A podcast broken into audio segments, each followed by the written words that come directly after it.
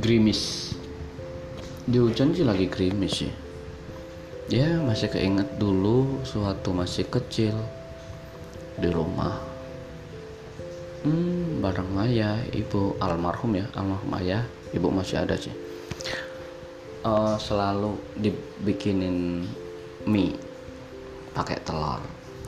Ya asik sih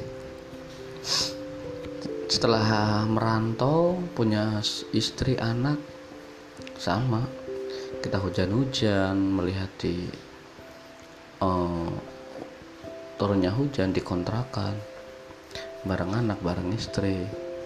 Rasanya seru banget kalau keinget zaman yang dulu-dulu kita hujan-hujanan di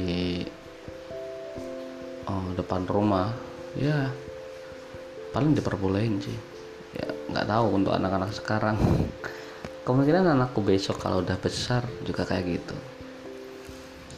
Biarkan apa yang mau dia lakukan. Cuman ya untuk jaga kesehatan ya kita masih perlu jaga sih.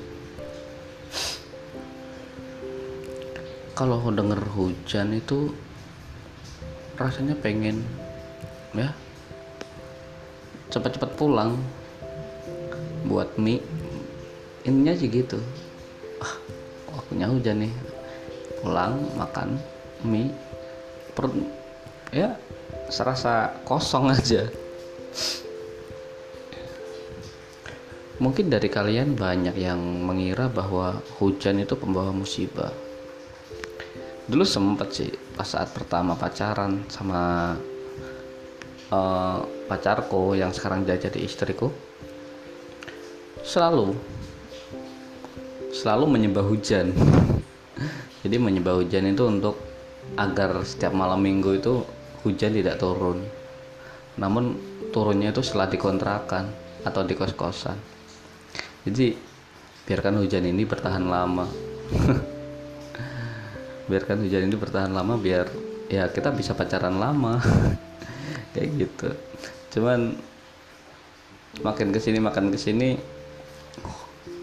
hujan membuatku repot juga sih. Ya saya sih bersyukur bisa dapat hujan. Cuman di kontrakan yang baru saya ini kalaupun hujan dikit ya genteng bocor.